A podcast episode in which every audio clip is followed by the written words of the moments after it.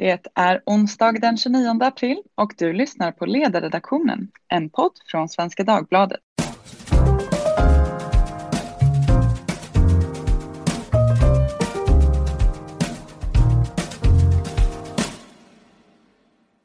Jag heter Katarina Karkiainen och idag ska vi prata om hyressättningen på bostadsmarknaden. Det är ju nämligen som så att regeringen har kommit med sina direktiv inför den utredning som ska lämna förslag på en modell med fri hyressättning på hyresmarknaden. Det är en del av januariöverenskommelsen mellan regeringen och dess liberala stödpartier och utredaren har nu till maj 2021 på sig att komma med sitt förslag.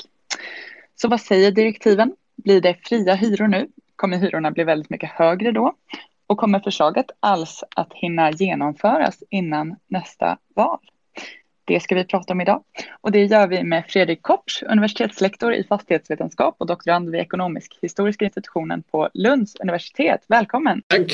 Med oss har vi också Martin Hoveberg som är chefsekonom på Hyresgästföreningen. Välkommen! Tack så mycket! Innan vi börjar reda i vad det här förslaget innebär så skulle jag vilja fråga dig Fredrik om du kort kan redogöra för hur hyressättningen på bostadsmarknaden fungerar idag. Hur ser systemet ut? Ja, jag tycker det, är väl kanske mest intressant att prata om hur det ser ut i nyproduktionen. Ehm, och där finns det ju ett antal olika sätt att sätta hyrorna på. Dels så har vi det relativt nya systemet med presumtionshyror som kom för eh, ja, snart 15 år sedan, 14 år sedan. Där, där hyrorna eh, sätts i förhandlingar. Det här kan ju Martin bättre än jag för det, det är med just Hyresgästföreningen som man förhandlar. Sen utöver det så har vi ett system med egensatta hyror där en hyresvärd eller fastighetsägare kan välja att sätta hyran eh, själv. Eh, men då finns alltid risken att den där hyran kommer att prövas i eh, en hyresnämnd och då bruksvärdesprövas. Och då kan den komma att, att sänkas eller höjas. Så det finns ju en viss osäkerhet. Och sen kan man ju från början välja att bruksvärdespröva eh, hyror om man vill det. Det finns ett antal olika sätt helt enkelt att sätta hyrorna på. Vad innebär, du nämnde bruksvärdet, vad innebär det bruksvärdessystemet? Det är ju ett sätt, ett ganska fiffigt sätt att försöka se till att eh, jämna ut maktbalansen mellan hyresgäster och hyresvärdar. Så hela grundtanken med bruksvärdessystemet när, när det kom för, för 50 år sedan var att eh, man ska säkerställa att en hyresvärd när man ska omförhandla en hyra inte ska kunna ta ut vilken hyra som helst från en sittande hyresgäst. Då har man en bruksvärdesprövning som, som kort sagt går ut på att man prövar hyran mot lägenheter som är jämförbara, som har ett jämförbart bruksvärde. Eh, och då ska de hyrorna någorlunda överensstämma. Och från ditt perspektiv, vad är problemet med det här? För du är ju en av de ganska många personer, får man lov att säga, som har menat att den svenska hyresmarknaden är dysfunktionell, inte fungerar som den borde. Ja, precis. Och det som jag ser som det stora problemet är att i vissa orter leder det här systemet till att vi får hyror som, som ganska kraftigt understiger vad marknaden skulle vara villig att betala för, för eh, lägenheten. Och när man får en sån situation och dyker upp ett antal olika problem som till exempel väldigt långa köer som vi ser. Det dyker också upp ganska starka incitament till överdrivna renoveringar som vi har sett problem med eller ombildningar till bostadsrätt. Och så finns det en grogrund för en svart marknad. Det är bara några av de problem som dyker upp när, när, det, när det blir så här. Och den stora frågan, utifrån de här problemen som, som du har sett det, är du nöjd med direktiven? Vad säger de? Och vad är det du väntar dig? Jag tycker att, jag, jag tycker att de, de eh, i vissa avseenden går lite längre än vad jag hade förväntat mig faktiskt. Sen ska man hålla i minnet här att det är ju bara nyproduktionen som vi pratar om och de här större problemen som vi har är typiskt sett i, eh, i det äldre beståndet. Där har vi större liksom, skillnader mellan Eh, de hyror som tas ut idag och vad hyran hade varit på en friare marknad. Men en, en detalj som jag inte hade förväntat mig i direktiven men som, som står med det är en möjlighet till, till uh, hyresjusteringar mellan hyresgäster. För det är ett av de stora problemen som jag ser med, med nuvarande system. Och en lösning som jag, som jag gärna skulle ha infört i det nuvarande systemet men samtidigt kunna behålla i princip det nuvarande systemet intakt. Eh, då får man ett, ett besittningsskydd och ett skydd för, för hyresgäster Men man har en möjlighet att marknadsanpassa hyror mellan, mellan, mellan hyresgäster. Det återstår ju att se exakt hur det kommer utformas i, i utredningen förstås. Men det, det, jag tycker det ser lovande ut, det är den mest lovande detaljen. om man bara ska försöka på det enklast möjliga sättet beskriva det, innebär det här att vi kommer få fri hyressättning på den här marknaden nu? Nej, det tror jag nog inte att vi, vi kommer få i någon liksom eh, i en definition av fri som, som är att, att hyrorna kan sättas hur som helst, när som helst. Utan här finns det ju två olika sätt som hyrorna ska förändras över tid. Det är ju antingen eh, med förhandling, med, med, genom förhandling med Hyresgästföreningen som, som man gör idag när hyror förändras över tid. Eller genom ett tariffsystem som, som jag faktiskt inte är helt klar på hur det ska utformas.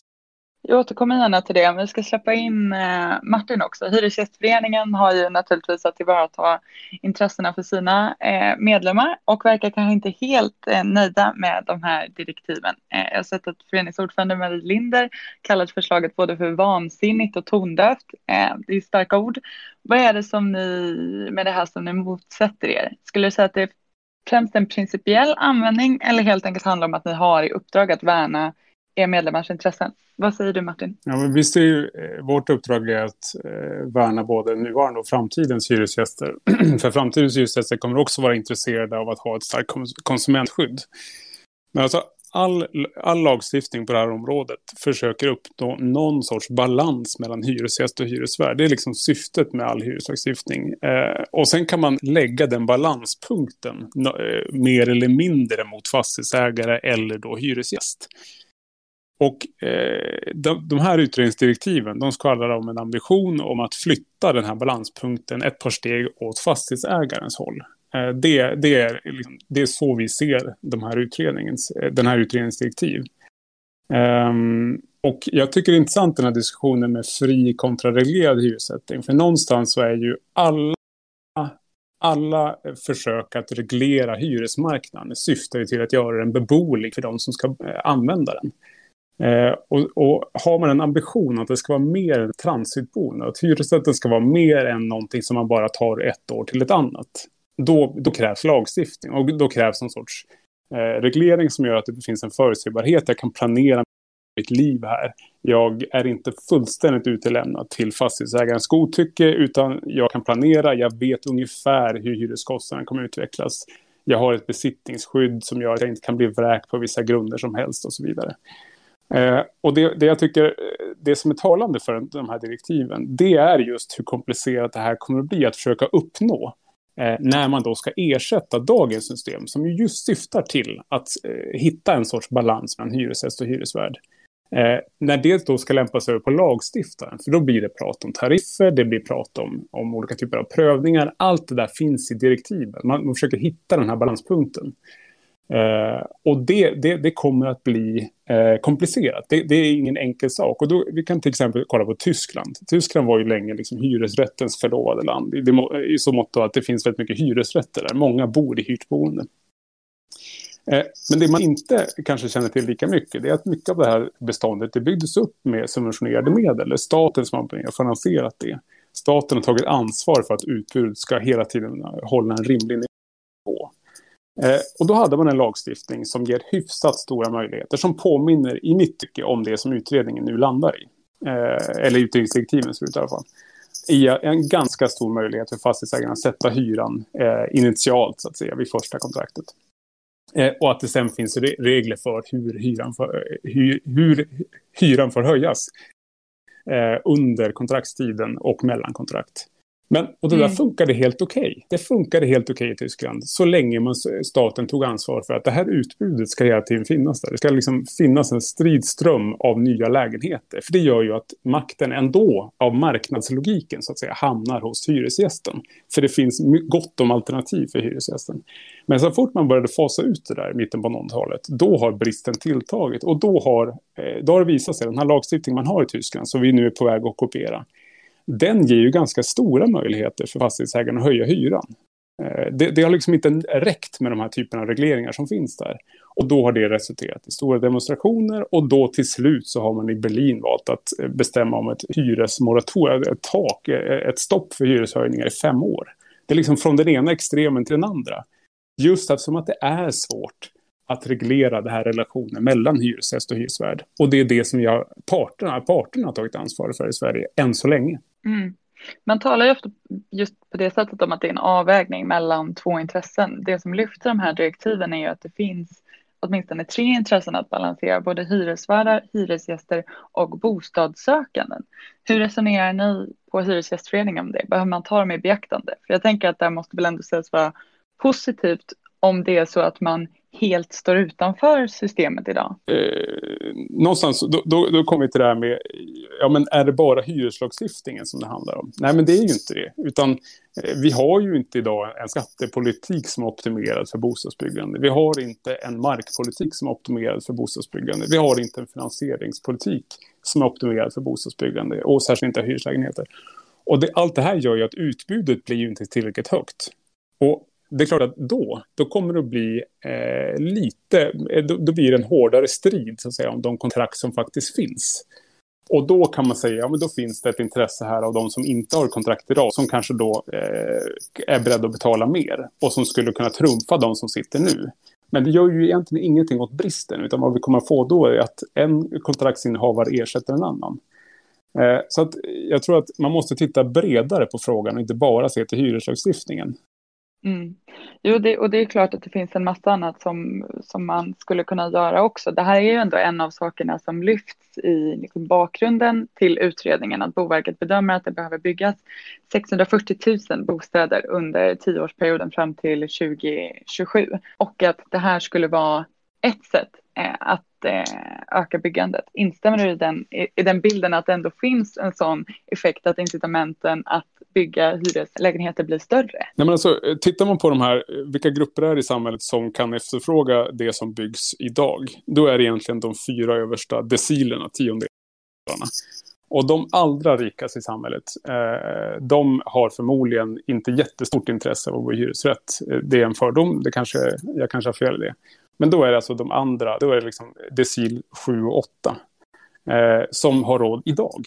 Eh, och då tänker jag att ja, men då är det väl snarare att vi måste göra det billigare, det som byggs idag, snarare än att göra det dyrare. Det, det är liksom den spontana reaktionen på det, när man försöker, på olika sätt försöker göra det dyrare, det som bjuds ut på marknaden.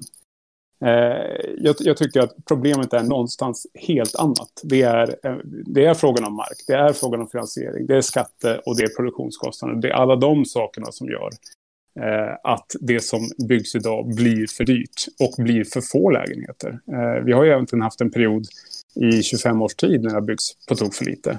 Men det som, är det som är intressant också med det som har byggts de senaste 25 åren, när vi i stort sett inte har haft några subventioner för, för hyresrättsbyggandet, det är att man har byggt i genomsnitt 9200 hyresrätter per år, men i genomsnitt 7300 bostadsrätter, som ju alla vet är marknadsprissatta. Eh, så att jag tycker ändå att trots då eh, alla de här omständigheterna så har det byggts fler hyresrätter än bostadsrätter. Man ska väl komma ihåg det att det ombildats bort ganska många, om man ser på, ja, särskilt Stockholm, så har det ombildats bort ganska många eh, hyresrätter. Så att, så att netto så har det ju försvunnit ganska många. Helt, helt riktigt. Och, och då någonstans, då är det klart att då, då, måste vi göra någonting åt, eh, och jag, jag, tror så här, eh, vi hamnar helt i diskussionen eh, skillnad mellan mark, den tänkta marknadsprissättningen och det som är bruksvärdeshyrorna. Det där kan man ju tackla från två håll. Jag tror man måste tackla det från två håll. Dels måste man få ner det som är marknadspriset, det vill säga öka utbudet. Då kommer ju den här teoretiska marknadshyran att sjunka. Det tror jag är helt avgörande. Men sen så har ju parterna också en hemläxa att göra. Då kommer vi till det här tekniska begreppet som knappast är till för liksom, tabloiderna. Men eh, systematisk hyressättning. Det vill säga där vi uppdaterar bruksvärdeshyressättningen gentemot de nya, eh, nya, en ny situation i en stad. Här har vi områden som har gått från att vara slum till att bli populära.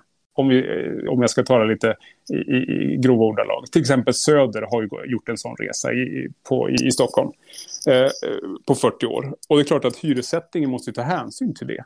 Och det är det man gör i systematisk hyressättning. Det vill säga vi har inte enbart de här årliga förhandlingarna att använda, utan vi har också när vi går igenom hela hyresstrukturen på en ort. Och det där är ju parterna satta att ta ansvar för. Och det har ibland brustit, det är den första att erkänna. Det är därför vi eh, vill göra det på alla marknader så att vi hela tiden uppdaterar bruksvärdeshyressättningen mot det som är de generella värderingarna. Så att från ett håll gör vi det och sen från ett annat håll så måste vi också sänka den teoretiska marknadshyran genom att öka utbudet. Då tror jag att man hamnar i balans. Vad säger du om det här Fredrik? Både eh, balansen mellan eh, eh, hyresgäster och bostadssökanden och avvägningen mellan eh, Eh, den här regleringen och andra saker som man kan göra för bostadsmarknaden? Ja, alltså den, den första punkten, alltså att man också i direktiven här faktiskt tillkännager att det finns en annan grupp, de som brukar referera till som outsiders, ehm, alltså bostadssökanden. Och att lagstiftning också ska hjälpa till att, att um, se till att de kan få bostäder. För det, det finns ju liksom en, en konflikt mellan att Eh, ger man nuvarande hyresgäster ett jätte, jättestarkt skydd att, att sitta kvar, ja, ja, då går det liksom inte för någon annan att flytta in den där. Och där tycker jag, liksom, jag vill invända lite grann mot Martins eh, att en hyresgäst ersätter en annan. För, för som vi tänker oss där så skulle ju fyra hyresgäster kunna ersätta en annan. Så att vi får ett mer effektivt utnyttjande av, av, av, av beståndet. Eh, där större grupper av unga till exempel kan poola sina resurser för att hyra centrala lägenheter så fungerar det typiskt sett i många andra länder. Och sen var den andra frågan eh, Ja, ja, vad det finns för andra. Jag håller helt med om att det finns kraftiga regleringar i mark markpolitik. Och inte bara markpolitik men också i liksom gestaltning och vad man får bygga i till exempel centrala eh, Stockholm. Vilka möjligheter man har att riva det som finns där. Städer måste ju kunna förändras men vi kan inte ha en stad som Eh, som stannar vid, vid någon typ av bebyggelse och sen får aldrig ersättas igen. Det, det, är ju en ganska lustig syn som vi har. Eh, för det som vi nu vill bevara det är ju sånt som har ersatt annat som säkert andra människor ville bevara när det hände för hundra år sedan. Eh, men när städer växer så behöver man ju tillåta att eh, de mer centrala lägena utnyttjas mer och mer effektivt. Alltså att vi bygger högre och, och högre. Mm. Äh, det håller jag helt med om. Men jag tror hyressättningen är liksom en bit på vägen. Jag tror absolut inte att det löser problemen så att det, bygger bort det som Boverket ser som, eh, som den stora bristen. Men det kan ta bort en del osäkerhet för eh, fastighetsägare. Och framförallt på sikt om det här nu blir ett system där vi har marknadsanpassningar i hyrorna hela tiden så kommer det på, på ganska lång sikt när en stor del av beståndet är byggt med de här reglerna istället och då pratar vi liksom 50, 60, 70 år framåt i tiden. Ehm, så kommer vi ha en, en ganska stor delmarknad på, på hyresmarknaden som är mer välfungerande.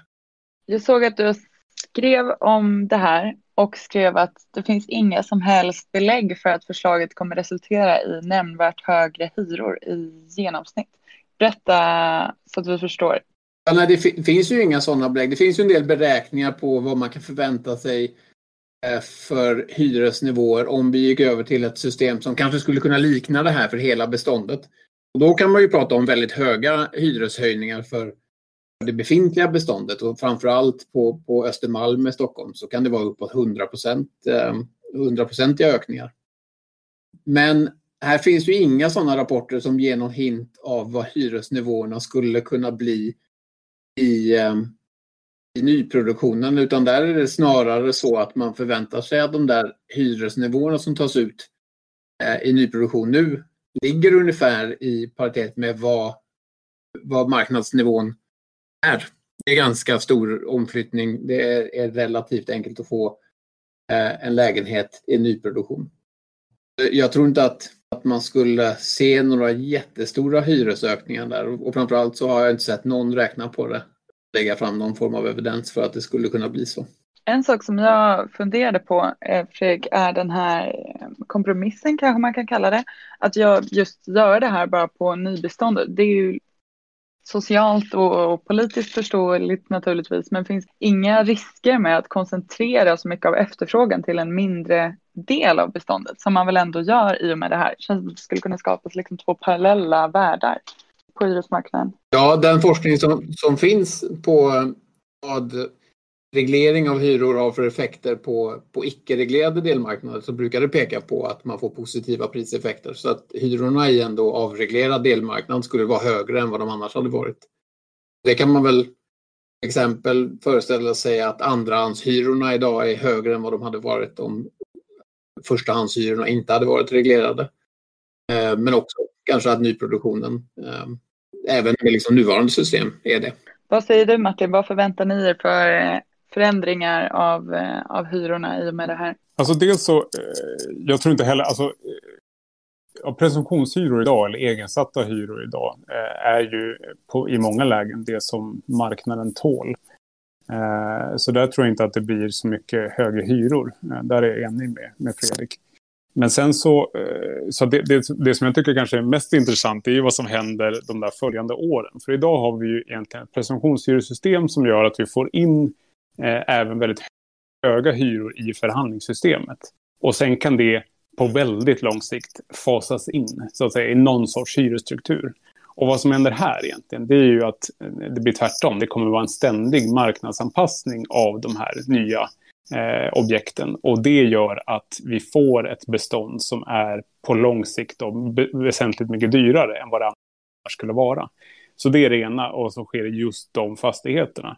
Och sen kan man ju tänka så att det, det, det föder en politisk logik. Nu har vi eh, avreglerat en sektor, eller vi har minskat eh, regleringen eh, och, och, flyttat makten åt fastighetsägarens håll i, vad gäller nyproduktionen. Ja, men då är nästa steg att göra det i successionskontrakten idag, när man byter kontrakt och sen är det i alla lägenheter. Att det där kan man ju tänka sig att det föder en viss politisk logik. Det ligger ju inte i den här utredningsdirektivet utan det kan man ändå tänka sig på, på längre sikt att man vill eh, att det föder en vilja att fasa ut hela nuvarande system. Och då kommer vi att ha eh, ett helt annat hyressättningssystem. Eh, och i så fall är väl, det är det jag menar, Tyskland kanske någonting som, som man kan kolla på för att få en uppfattning om vad det handlar om. Och jag tror att hur man än gör med hyressättningen så kommer man att få problem när det är brist. De där problemen de tar sig olika uttryck beroende på vilket hyressättningssystem man har. I Tyskland och i Berlin så har man fått kraftiga hyresökningar så att det blir demonstrationer på gatorna. Här så får bostadsbristen andra konsekvenser. Här blir det ombildningar, här blir det svartkontrakt, här blir det olika typer av saker som Fredrik har redogjort för i sin forskning. Eh, och eh, källan till allting det är själva bostadsbristen. För den åtgärdas inte av att man inför marknadshyror. Eh, det tycker jag också Tyskland är ett bra exempel på. Utan det, det finns andra saker vi måste åtgärda. Och där, alltså blir hyressättningssystemet viktigt, såklart, men det är sekundärt. För att det, det primära är att se till att hålla utbudet på en rimlig nivå, det vill säga lös bostadsbristen. Och i nästa steg ska man givetvis kolla på eh, lagstiftning och då tycker jag som företrädare för en konsumentorganisation att det ska vara ett starkt konsumentskydd för då blir hyresrätten populär och det, är det, eh, det tycker jag att den ska vara för det är bra, en bra boendeform. Jag håller ju med om det. Men, och jag tycker att direktiven här är väl ganska tydliga med att man vill ha ett starkt besittningsskydd. Eh, det finns ju inga direkta skrivelser i att det skulle bli sämre man får ju se hur liksom tariffen är, men, men om, om man skulle bortse tariffen här så är det ju bara nuvarande system som besittningsskydd. Sen finns det ju klart, beroende på hur den här marknadsanpassningen kommer att se ut mellan hyresgäster så kan det ju komma ett visst incitament för, för hyresvärdar att göra sig av med hyresgäster. Och där blir det ju ännu viktigare att man säkerställer att det här besittningsskyddet faktiskt är väl fungerande så att det inte finns några kryphål Eh, för fastighetsägare att göra sig av med hyresgäster. Där tycker jag att det, där kommer du verkligen till det som är, eh, det väldigt intressant.